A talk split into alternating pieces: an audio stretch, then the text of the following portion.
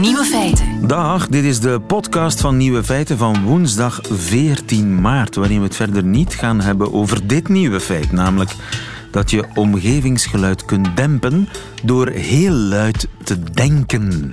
Niet hardop, maar luid in je hoofd. Onze gedachten mogen dan onhoorbaar zijn voor anderen, maar niet voor onszelf. En het uh, geluidsniveau van onze gedachten bepaalt dus mee hoe luid de omgeving klinkt. En dat is niet zomaar een veronderstelling. Chinese en Amerikaanse neurowetenschappers hebben dat proefondervindelijk vastgesteld. Probeer het zelf uit als u nog een keer een boek probeert te lezen op de trein naast een luide beller. Wat zijn dan wel de nieuwe feiten vandaag? Wel, we leven voortaan in een wereld zonder Stephen Hawking. En de rechter in Gent sneert in zijn vonnis naar de deskundigen van het gerecht. De Britse minister van Financiën ziet het licht aan het einde van de tunnel, maar de Britten nog niet. En de CIA krijgt misschien een vrouw als nieuwe baas. Het middagjournaal is in handen van rapper Said Boumazouge. Geniet ervan. Nieuwe feiten. Bent u bang van de dood? vroeg Kathleen Coles ooit aan Stephen Hawking. Are you afraid to die? I have learned not to look too far ahead, but to concentrate on the present. I am not afraid of death, but I'm in no hurry to die. I have so much more I want to do. I have so much more I want to do. Vandaag verliest de wereld een icoon. Brits natuurkundige en cosmoloog Stephen Hawking is overleden thuis in Cambridge, een van de grootste wetenschappers in zijn veld.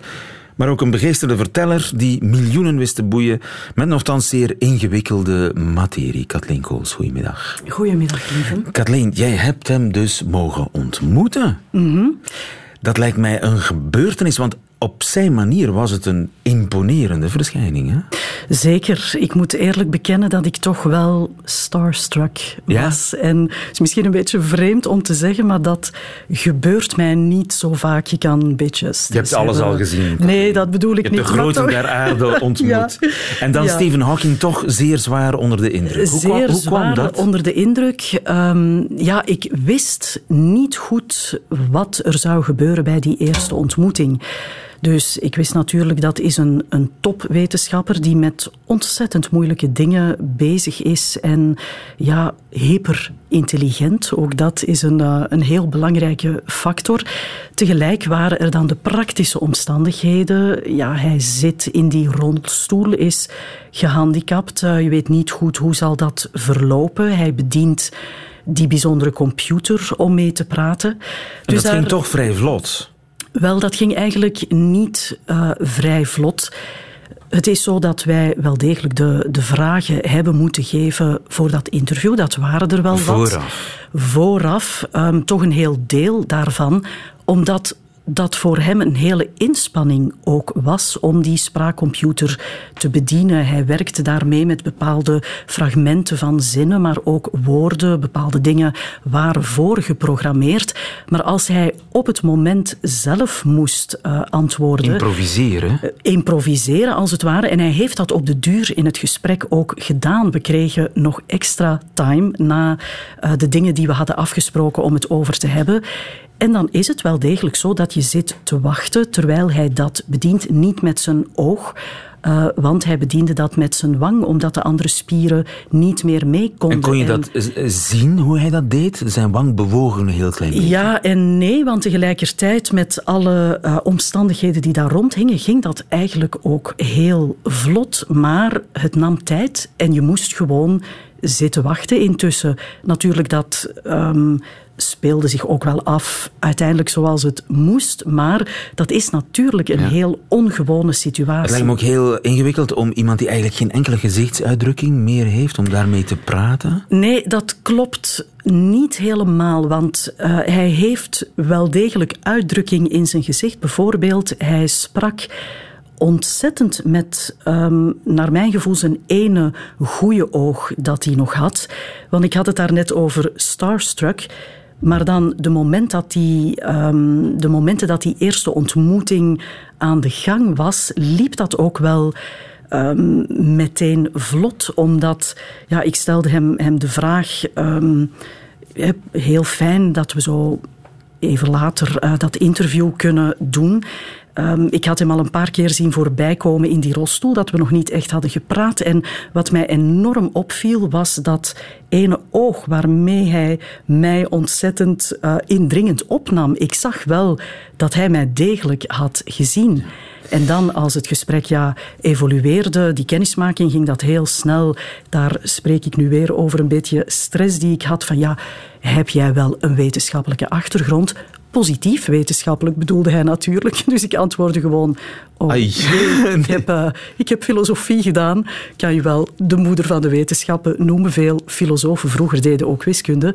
Maar um, het duurde even en daarop zei hij: ah, filosofie is dood. Het was echt humor van hem, ja, dood als een grap.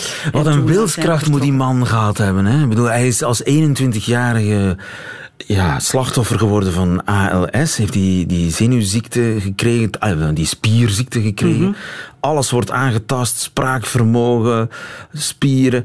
Behalve zijn fenomenale intellect, dat blijft helemaal intact. Maar een ander zou toch Alleen veel andere mensen zouden het opgegeven hebben. Wij moeten een enorme veerkracht gehad hebben. Ja, veerkracht is denk ik uh, het woord. En het klopt dat, denk ik, veel mensen het zouden opgeven in die omstandigheden. Hij was natuurlijk wel goed omringd uh, op de duur door de status die hij ook had. Hij was daar met een heel gezelschapje van wel zeker zes mensen. Kon ook niet anders. Hij, dat is een KMO'tje. Uh, ja, hij had een verpleegster nodig, een persoonlijke assistent. Want terwijl we met hem praten. Uh, dat interview nam wel een hele namiddag in beslag. Af en toe moest hij ook letterlijk verzorgd worden, omdat zijn longen heel, heel zwak waren. Dus hij had dat ook wel nodig. kwam ontzettend veel rondkijken, maar die, die veerkracht, dat is echt iets ontzettends ja, Inspirerend in ieder geval. Lieve Scheire, jij uh, zit mee te luisteren, toch? Ja, dat klopt. Hey, Levenscher, jij staat op uh, Brussel-Zuid toevallig te skypen met ons. Enfin, niet toevallig, we hebben jou geskyped. Maar je bent toevallig op uh, Brussel-Zuid. Um, heb jij hem ooit bezig gezien tijdens een lezing of ontmoet misschien? Ontmoet. Uh, ja, die eer is mij nooit te beurt gevallen. Ik heb wel een lezing van hem gezien in Leuven. Uh, een van zijn uh, studenten, Thomas Hertog, is professor in Leuven. Dus die heeft gedoctoreerd bij Hawken, is daar ook bevriend mee gebleven. En die was op bezoek. En dus dan heeft Hawken een lezing gegeven. En was je daarvan onder de indruk van die lezing? Uh, wel, die lezing is voorgeprogrammeerd. Hè, dus uh, gelukkig hoeft hij niet elke zin ter plaatse te vormen. Maar om, om het icoon te zien binnentreden, dat, uh, ja, er ging wel een soort rilling door de zaal. Ja, absoluut. Ja. En wat was zijn grote wetenschappelijke bijdrage? Hij wist alles, geloof ik, over zwarte gaten, hè? Ja, dus hij werkte in de kosmologie en was dan bezig met het ontstaan van het heelal, de, de eerste fase na de oerknal hoe dat kleine fluctuaties toen een gigantische invloed hebben op ons huidige heelal. En hij werkte heel erg op die zwarte gaten en hij voerde daar dan uh, uh, discussies over met andere natuurkundigen. Hij ging, hij ging wetenschappen af met andere natuurkundigen. Van, uh, heeft onder andere ooit gewet dat het Higgs-boson nooit gedetecteerd zou kunnen worden. Heeft dus 100 dollar mee verloren.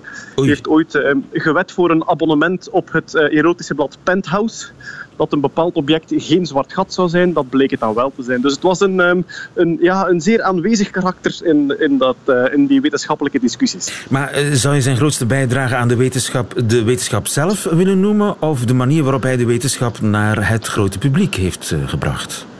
Wel, het, speelt, het speelt sowieso alle twee mee. Uh, hij is een van de grote wetenschappers van, van dit moment, hè, dus geweest, uh, zeker binnen zijn veld. En wat hij, ja, de, de dingen die hij losgemaakt heeft als het gaat over zwarte gaten en al de natuurkunde die daarin samenkomt. Hè, want in een zwart gat komt zowel de relativiteit als de kwantummechanica als alles een beetje samen. En wat hij daar verricht heeft en, en ook ja, hoe hij daar aan de boom geschud heeft om anderen uit te dagen om daar ook op te gaan rekenen, dat is zeker niet te verwaarlozen. Maar inderdaad, het feit dat hij niet alleen een icoon geworden is in de popcultuur, maar ook hele goede populariserende boeken geschreven heeft, heeft er geweldig aan bijgedragen dat hij nu zo bekend is. Ja. Een betere ambassadeur voor de wetenschap uh, konden we niet hebben. Dat klopt, ja. Hij, was, ja, hij, sprong geweldig in het oog. En ja, hij heeft in The Simpsons gezeten, in The Big Bang Theory, in uh, Star Trek. Ik denk in Little Britain dat hij langs geweest is. Dus ja, uh, waarschijnlijk de, de meest bekende wetenschapper qua figuur sinds Einstein, ja. Ja, sinds Einstein. Dat zijn al grote namen en grote woorden van uh, Lieve Scheire. Dankjewel, Lieve. Dankjewel ook, Kathleen.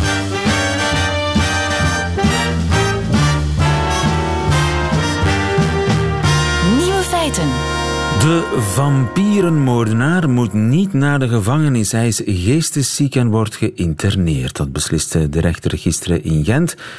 Die, en dat is toch wel opvallend, in zijn vonnis zwaar uithaalde naar de deskundigen van het gerecht. Goedemiddag, meester van Eekhout. Goedemiddag. Nina van Eekhout, strafpleiter. En voor alle duidelijkheid, u heeft in deze zaak niet gepleit. U heeft er niks mee te maken. Juist.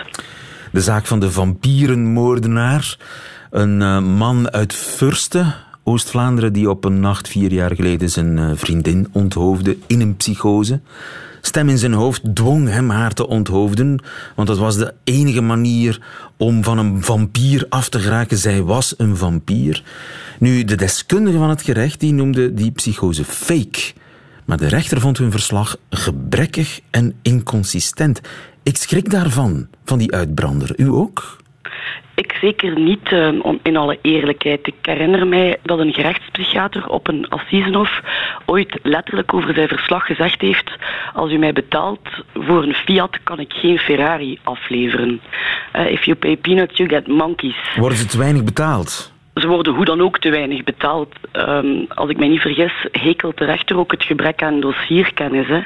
Daar moet je wat tijd voor maken, natuurlijk. En is dat het enige probleem? Het is zeker niet het enige probleem. Nu, enigszins de verdediging van de gerechtsdeskundigen. Ze moeten natuurlijk roeien met de wettelijke riemen die er zijn. wij kennen geen gradensysteem van toerekeningsvatbaarheid zoals in Nederland. Bij ons is het alles of niets. Ofwel ben je ontoerekeningsvatbaar, ofwel ben je toerekeningsvatbaar. Het is zwart-wit en alles is grijs, zeker de menselijke geest. Dus dat is natuurlijk moeilijk dat zij daar een, een, een besluit moeten, moeten vellen binnen dat wettelijke kader. En zij zij dan geneigd om bij de minste twijfel iemand dan toerekeningsvatbaar te verklaren?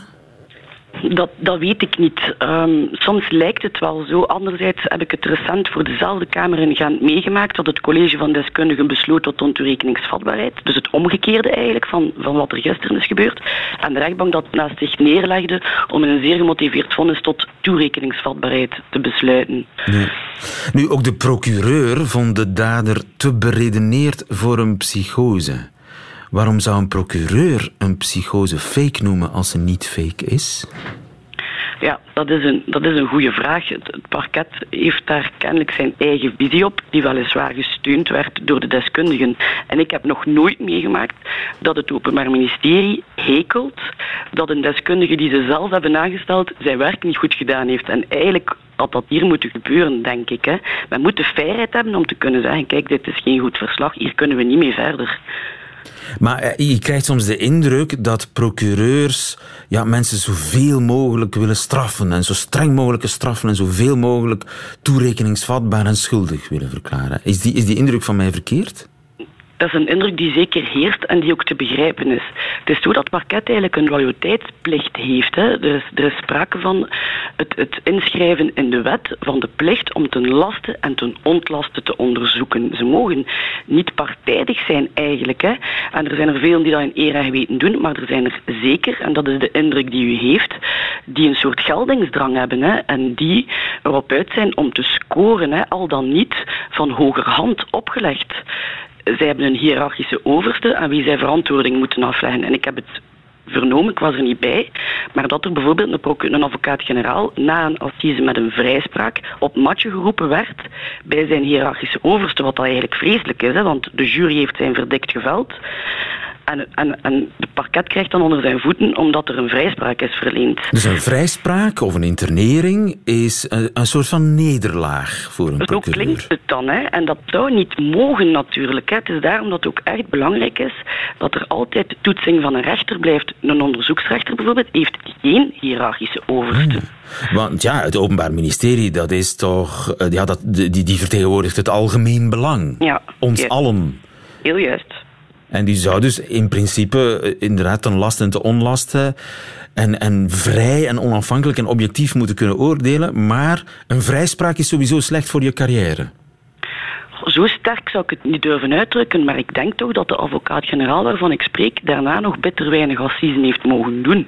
Of dat hij dan ook, of dat ook voor zijn carrière verder nadelige gevolgen zal hebben, dat denk ik dat dat een beetje te ver gaat. Maar wij hebben soms zeker het gevoel uh, dat dat heerst. Hè. En je hebt natuurlijk procureurs die wel die onafhankelijkheid doordrijven. Hè. Zij moeten in geschriften doen wat hun hiërarchische overste zegt, maar in het requisitoor zijn ze vrij. Hè. La plume est serve, la parole est libre. En dan heb je er die de vrijheid hebben om op de zitting de vrijspraak bijvoorbeeld te vorderen. Maar het is al eerder, het is al in het onderzoek, dat wij soms echt moeten vaststellen dat er maar in één richting gezocht wordt. En dat is een pijnlijke vaststelling die het algemeen belang niet dient. En de rechtszekerheid niet dient. Heel juist, want er heerst willekeur. Hoe gaan we dat oplossen? Meester Eekhout. het is van Eekhout. Van Eekhout, excuseer meester. het is u vergeven. Uh, nu, het zal goed zijn dat, dat het college van procureur, uh, procureurs-generaal is ermee bezig om het dus expliciet in de wet in te schrijven. Het algemeen rechtsbeginsel dat zij ten laste en ten ontlaste moeten onderzoeken. Eerste punt. Tweede punt, we mogen zeker niet de onderzoeksrechter afschaffen. Dat is onze garantie dat er tenminste nog à charge en à décharge onderzocht wordt. Uh, we moeten ons, ons, ons bewust zijn van van het feit ja, dat het parket zich soms iets te partijdig opstelt. Een beetje bewustzijn is al uh, het begin van een oplossing. Dankjewel, meester Van Eekhout. Goedemiddag. Graag gedaan, goedemiddag. Lieven van den Houten. Radio 1. Het ergste is achter de rug, zegt de Britse minister van Financiën Philip Hammond in zijn eerste lentespeech in het parlement. Optimisme als het ware in tijden van Brexit. Hij ziet het licht aan het einde van de tunnel. Of course there is some uncertainty around at the moment, but the fundamental strength of our economy keeps shining through. Uh, and as we remove that uncertainty over the coming uh, months, I'm confident that those fundamentals will drive stronger economic growth. Philip Hammond gisteren op de BBC. De minister van Financiën gaf gisteren in het parlement ook zijn eerste lente-speech. Een uh, jaarlijkse traditie in uh, Engeland. En daarin belooft hij niks, maar gelooft hij wel dat het na de zomer veel beter zal gaan in Engeland. Met de economie en de schatkist. Goedemiddag, Lia van Beckhoven. Goedemiddag, lieve. Onze vrouw in Londen. Ja, de minister gelooft veel, maar belooft niks. Uh, geloven de Britten hem ook? Nou, ze hadden liever andere beloften gehoord. Want uh, ze zei, het, het voelt niet. Uh, het optimisme van de, van de minister wordt niet gedeeld. Want zo voelt het niet uh, bij heel veel Britten. Kijk, ze hebben in dit land zeven jaar van echt keiharde bezuinigingen achter de rug. En eerlijk gezegd, de meesten hebben er genoeg van. Uh, zelfs conservatieve Kamerleden hadden gehoopt dat de minister de, de, de voet van de rem zou halen. Hè? En die uh, bezuinigingen uh, die ze zijn gaan doorvoeren, echt kort na de internationale financiële crisis van 2008, dat die bezuinigingen in het einde daarvan in zicht waren. Maar dat, dat is niet het geval. De minister zegt: Oké, ik zie licht aan het einde van de tunnel, maar we zitten nog midden in de tunnel. Ja, ja. En dus die bezuinigingen die blijven staan. Daar komt geen Die blijven staan. Daar komt geen Helemaal niet. Die worden nog een keer uh, uitgevoerd uh, de komende minstens uh, jaar nog. Ja. En dat zie je. Dat zie je aan alles en overal. Ik bedoel, neem de gemeentes. De gemeentes in Groot-Brittannië hebben hun begroting gereduceerd gezien tussen de 30 en 50 procent. Dat betekent dat uh, parken, buurthuizen, bibliotheken het hele land dicht zijn gegaan. Uh, dakloze gezinnen. Uh, steeds meer heb je in tijdelijke bed and breakfast van die pensionnetjes. Um, die daar neergezet worden, die gezinnen, omdat er geen betaalbare huizen zijn. Uh, 1 miljoen ambtenaren is op straat gezet. Er is bezuinigd op uitkeringen. Die zijn met 40% teruggedraaid. De bedoeling was om mensen aan het werk te krijgen en te laten zien dat het loont, letterlijk, om te werken. Maar die vlieger gaat al lang niet meer op. Um, uh, lonen stagneren al jaren. Interessant, lieve, is dat de Britten nu minder verdienen dan voor de crisis van tien jaar geleden. Maar dus niet mensen hebben werk en zijn toch arm? Een derde van alle Britse gezinnen onder de minimumlevensstandaard. Uh, uh, het, het, totaal zit onder de, de minimumlevensstandaard. En de meeste in die groep hebben een baan. Of twee banen. Of drie banen. Anders gezegd, de grootste groep armen in het Verenigd Koninkrijk bestaat uit mensen die werken. Maar merk je dat die armoede, uh, als, je, als jij bijvoorbeeld op straat loopt en boodschappen gaat doen en met vrienden praat? Ja, Ehm, eh, je hoeft de deur maar uit te gaan en inderdaad naar de winkelstraat te lopen bij mij in de buurt. Ehm, op 500 meter uh, tel ik tussen de drie en de zes daklozen. Uh, en dan heb ik het niet over, want het zijn andere daklozen dan pakweg tien jaar geleden. Ik bedoel, toen zag je af en toe, veel minder dan nu, weet je, oude mannen, alcoholisten. Maar nu zijn het jonge mensen, soms zelfs met een baan. Bij mij in de buurt is er een, die is een chef-kok. Um, uh, en die zitten te bedelen, dakloos. Um, je merkt het op scholen. Eén kennis van mij is docent. En op haar school betalen docenten uit eigen zak het ontbijt voor de kinderen. Omdat ze merkt dat de kinderen op, uh, uh, in slaap vielen halverwege de ochtend. Omdat ze niet gegeten hadden. de voedselbanken waar 1 miljoen Britten um, op aangewezen zijn. En mensen met banen. Verpleegkundigen maken gebruik soms van een voedselbank. En de supermarkten in mijn buurt, zoals trouwens denk ik in de meeste buurten in Groot-Brittannië, die hebben uh, een bak, een container achterin. En daarin kun je voedsel uh, zetten voor de lokale voedselbank. En niet alleen voedsel. Ik zie er vaak tampons in pakken met tampons in zetten. Ja, duizenden, duizenden Britse tieners en vrouwen hebben geen geld daarvoor. Die lopen met sokken in een onderbroek als ze ongesteld zijn. Hoe merk je het nog meer? De, de, ja, ik, ik kan nog wel even doorgaan. De, de gezondheidszorg, ja, dat was net... Precies. Precies. Dagelijks worden patiënten naar huis gestuurd omdat hun uh, niet-urgente operatie weer is uitgesteld. In januari uh, schreven nog 68 artsen een brief aan mee waarin ze letterlijk zeiden: er liggen hier mensen te sterven op de gang want in de zalen is geen plaats om patiënten uh, neer te leggen. Goed, dat is dus de tunnel. De minister zegt, ja, ik zie het licht aan het einde van de tunnel, maar de Britten zelf die zien het nog niet. De Britten zelf zien het niet. Um, ze weten wel, natuurlijk, ze hebben aan hun lijve ondervonden. Het, ik maak me sterk dat er niet een doorsnee uh, Brits gezin is dat niet aan de lijve de gevolgen van die bezuinigingen heeft ondervonden. En ze hebben er genoeg van. Uh, Britten zijn boos. Ze zijn boos over de enorme ongelijkheid. Hè? Want de rijken en de ouderen hebben relatief weinig van die bezuinigingswoede uh, gemerkt. Het ging vooral om de onderste 50 procent. Um, premier May weet dat ook. Ze erkent dat die ongelijkheid het land ontwricht heeft. He, ze heeft uh, meerdere malen gezegd um, dat de ongelijkheid in de hand gewerkt is door de bezuiniging. En dat het geleid heeft mede tot Brexit bijvoorbeeld. Ze praat daarover. En ze belooft ook, um, in ieder geval beloofde dat in het verleden, toen ze pas premier werd, op te komen voor de JAMS, de Just About Managing. Afkorting voor mensen die net rond kunnen komen.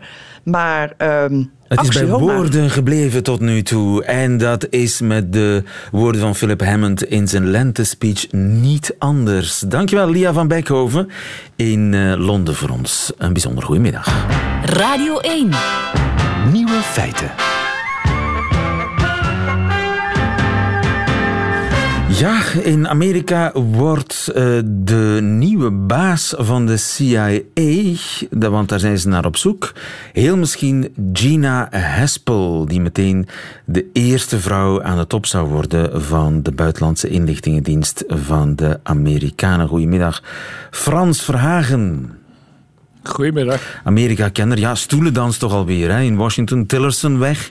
In zijn plaats wordt Mike Pompeo minister van Buitenlandse Zaken. Maar dan moet die natuurlijk weer vervangen worden als baas van de CIA. En de president zelf, die gaat voor deze Gina Haspel. Whatever challenges came his way, he tackled it with supreme dedication. And the result is a record of achievement unlike any other, one that will inspire agency officers for generations to come. Gina Hespel bij de huldiging van een collega. Een echt flamboyante persoonlijkheid hoor ik er niet in. Uh, meneer Vragen? Uh, nou ja, als CIA-directeur hoef je geen flamboyante persoonlijkheid te zijn. Dus dat, dat, dat is, niet dat, dat, dat treft dus.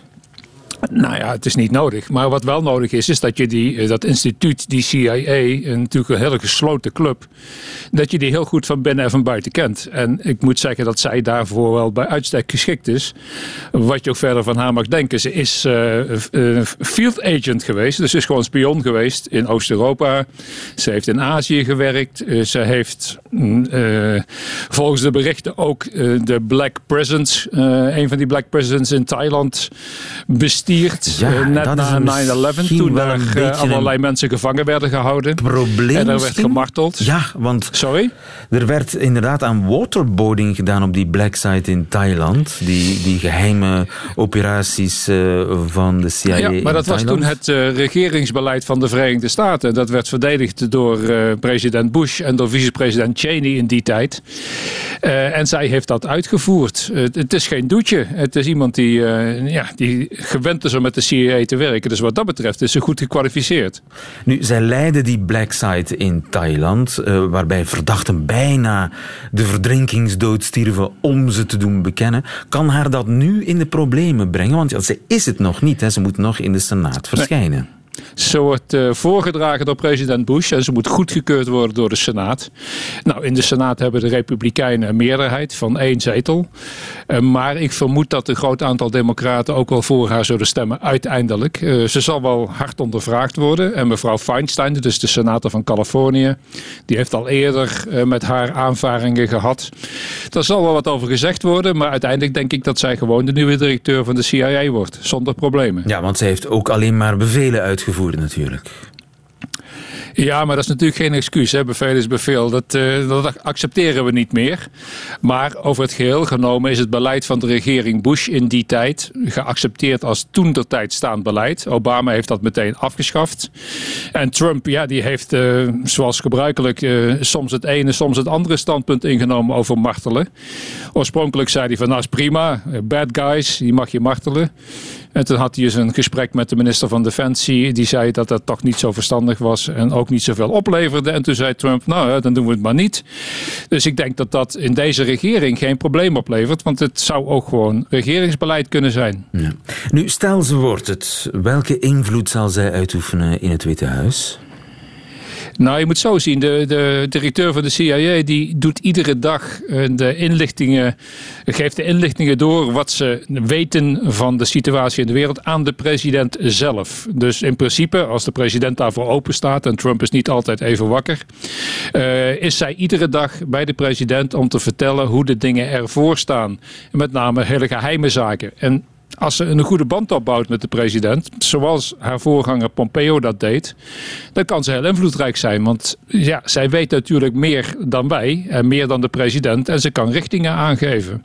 Dus alles hangt af van haar persoonlijke verhouding straks met meneer Trump. Maar hoe kunnen we dat een beetje inschatten? Want eh, eh, als ik haar zo zie en hoor, lijkt het mij niet zijn type.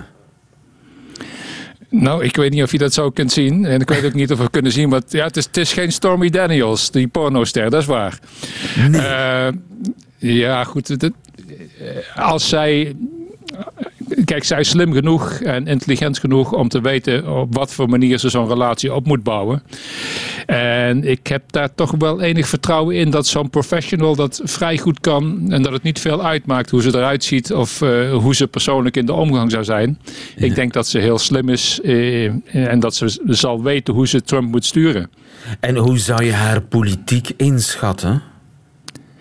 Dat kan ik niet. Als ik een denk echte dat havik zij, of, eh, of als, als zij is blanco als, als poli- Zij is gewoon een technicus. Nou, kijk, de CIA onder Mike Pompeo was vrij havikachtig, althans in zijn uitingen. Voor een CIA-directeur heeft hij behoorlijk wat tamelijk vergaande dingen gezegd. Bijvoorbeeld dat eh, die deal met Iran eigenlijk opgezegd moet worden, hè, de, de kernwapendeal.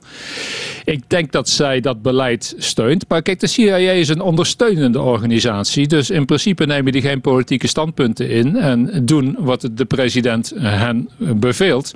Totdat het tegen de morele of de ethische of de wettelijke grenzen aanloopt. Ik denk dat zij wat dat betreft gewoon een professional is. Ja, en een professional die misschien een professioneel zeer goede relatie kan opbouwen met de president, dat valt nog af te wachten, want het verloop daar in het Witte Huis is eh, ja, redelijk heftig, hè? Ja, er wordt behoorlijk wat gewisseld. En eh, ja, die, die Rex Tillerson, die minister van Buitenlandse Zaken, die deze week ontslagen is, die was natuurlijk totaal ineffectief. De vraag is of Pompeo, zijn opvolger, uh, veel effectiever zal kunnen zijn. Want Trump heeft toch de neiging om af en toe zijn eigen buitenlands beleid te maken. En niet naar adviseurs te luisteren. Maar er zit een gedeeltelijk nieuwe ploeg. Dus deze mevrouw bij de CIA, Pompeo op Buitenlandse Zaken. De vraag is of de rest van het team van, Trump, van Trump zal blijven. De, Herbert McMasters is de veiligheidsadviseur. Die zit ook een beetje op de wip. Maar hij moet zorgen dat hij snel zijn team op orde heeft. Want hij moet binnenkort in Noord-Korea op bezoek. En dan moet je toch de, echt de goede mensen om je heen hebben. Dus ik verwacht nog wel meer wisselingen van de wacht. Er komt nog meer. Het gaat heel hard in uh, het Witte Huis. Dankjewel Frans Verhagen. In uh, Nederland voor ons Amerika-kenner. Goedemiddag. Radio 1. Said Boumazouge zit klaar voor zijn hoogstpersoonlijke middagjournaal. Nieuwe feiten. Middagjournaal. Tik, tik, tik, tik. Weet je wat ik zie? Ik zie tikkende tijdbommen. Ik zie tikkende tijdbommen met een kapotte klok. En met wijzers die gedreven worden door een verloren ziel. Geblokkeerd. In een tunnelvisie. Van prestatie. En het blijft maar tikken. Tik, tik, het blijft maar tikken. Tik, tik, tik. En zal ontploffen bij de minste aanraking. Boom! Er gebeurt niets. het is een tijdbom vol emotie, stress, emotie, stress, vingerwijzende commotie. Dief, dealer, fixer, patser, terrorist, vader, broer, zuster, moeder, nicht, neef, baas, collega, collega, baas, stress. Tijd. Blijkbaar heeft zijn actie of haar actie een synoniem. De een moet kruipen en de ander probeert zijn stress weg te zuipen. Maar alle twee vertikken ze het om verder te leven als een slachtoffer. Want hoe gedraaid of keert, iedereen heeft wel iets opgeofferd. Maar hoe ver moet je gaan? En wat als je ziel is opgebrand? Is het dan nog plezant? Nee, reik elkaar de hand en samen vormen we de wortels van dit mooie, maar tegelijkertijd zure land. Ik zie tikkende tuinbommen van vlees, zweet, tranen en bloed. Zijn ziel, net verdorven semtekst, vergiftigd door hebzucht en met pijn vergoed. Uitzichtloos hangend op een hoek, zonder toekomstbeeld. Met een versplinterd spiegelbeeld. En elke splinter snijdt onzichtbaar in zijn zelfbeeld. Dus beste Mohammed, of beste Peter, beste Aisha, of beste Linda, hoe je draait of keert, we lopen allemaal dezelfde meter.